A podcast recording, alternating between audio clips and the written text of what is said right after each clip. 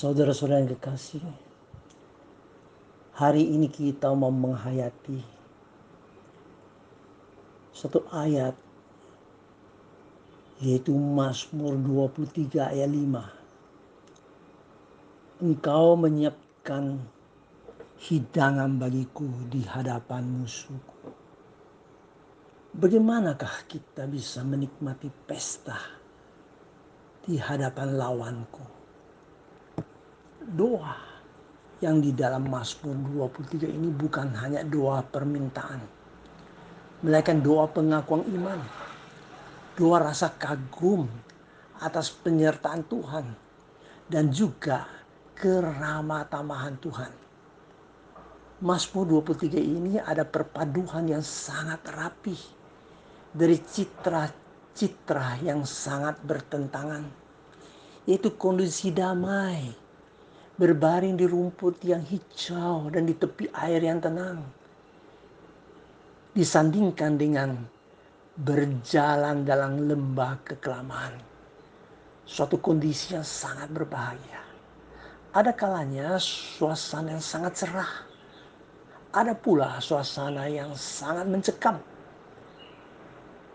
Ada bayang-bayang maut disandingkan dengan kenikmatan hidup. Semula hidup berpindah-pindah tempat. Karena domba itu harus cari rumput yang hijau, harus pindah-pindah tempat. Tiada tempat permanen. Seperti orang kontrak rumah. Akhirnya ada tempat tinggal permanen. Bahkan tinggal di rumah Tuhan. Ada kerinduan dari Raja Daud. Di rumah aja. Mazmur 27 ayat 4 satu hal yang ku minta kepada Tuhan, itulah yang ku ingini. Diam di rumah Tuhan seumur hidupku. Mazmur 23 ini mengajak kita berpusat pada Tuhan. Tuhan adalah Alfa dan Omega. Tuhan adalah awal dan akhir. Maka Mazmur 23 ini hanya ayat 1 dan juga ayat 6 menyebut Tuhan. Kalau bahasa Indonesia ini terjemahannya Tuhannya itu T U H A N semua huruf besar. Itu Tuhan yang ikat perjanjian yang kita. Tuhan Yahweh, Tuhan yang Maha Kuasa sekaligus Maha Kasih. Mazmur 23 ayat 5 ini sebuah doa rasa syukur dan juga sangat menyentuh hati Engkau menyediakan hidangan bagiku di hadapan lawanku. Menyediakan hidangan berarti hospitality. Ada lawan berarti ada permusuhan, yaitu hostility. Mengapa hospitality disandingkan dengan hospitality? Mengapa tidak dibasmikan saja semua lawan dan musuh?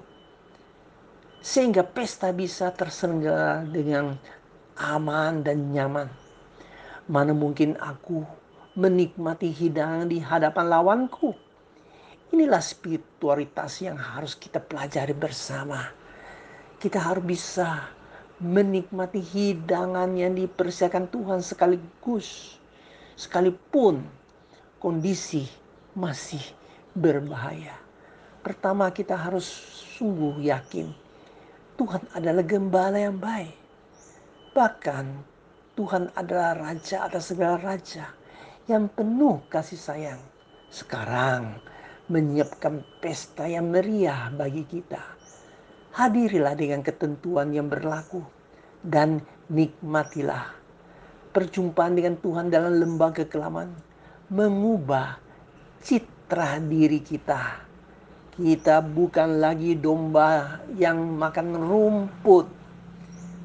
Tapi kita adalah orang yang diundang hadiri pesta dengan makanan macam-macam yang dibutuhkan manusia. Pasti makanannya enak dan sehat. Saudaraku yang kasih kedua, konsentrasi kita janganlah ikuti keinginan mata kita, tetapi ikutilah apa yang Tuhan mau. Pandang hidup kita janganlah terganggu oleh musuh, tetapi hanya memandang tuan rumah yang penuh ramah tamah. Hati kita harus meyakini Allah lebih besar dari musuh kita. Ada rahasia kemenangan yang tercatat di 1 Yohanes pasal 4 ayat 4. Roh yang ada dalam kamu lebih besar daripada roh yang ada di dunia ini. Saudara-saudara, situasi kondisi kita saat ini masih sangat menyedihkan. Musuh kita masih di hadapan kita.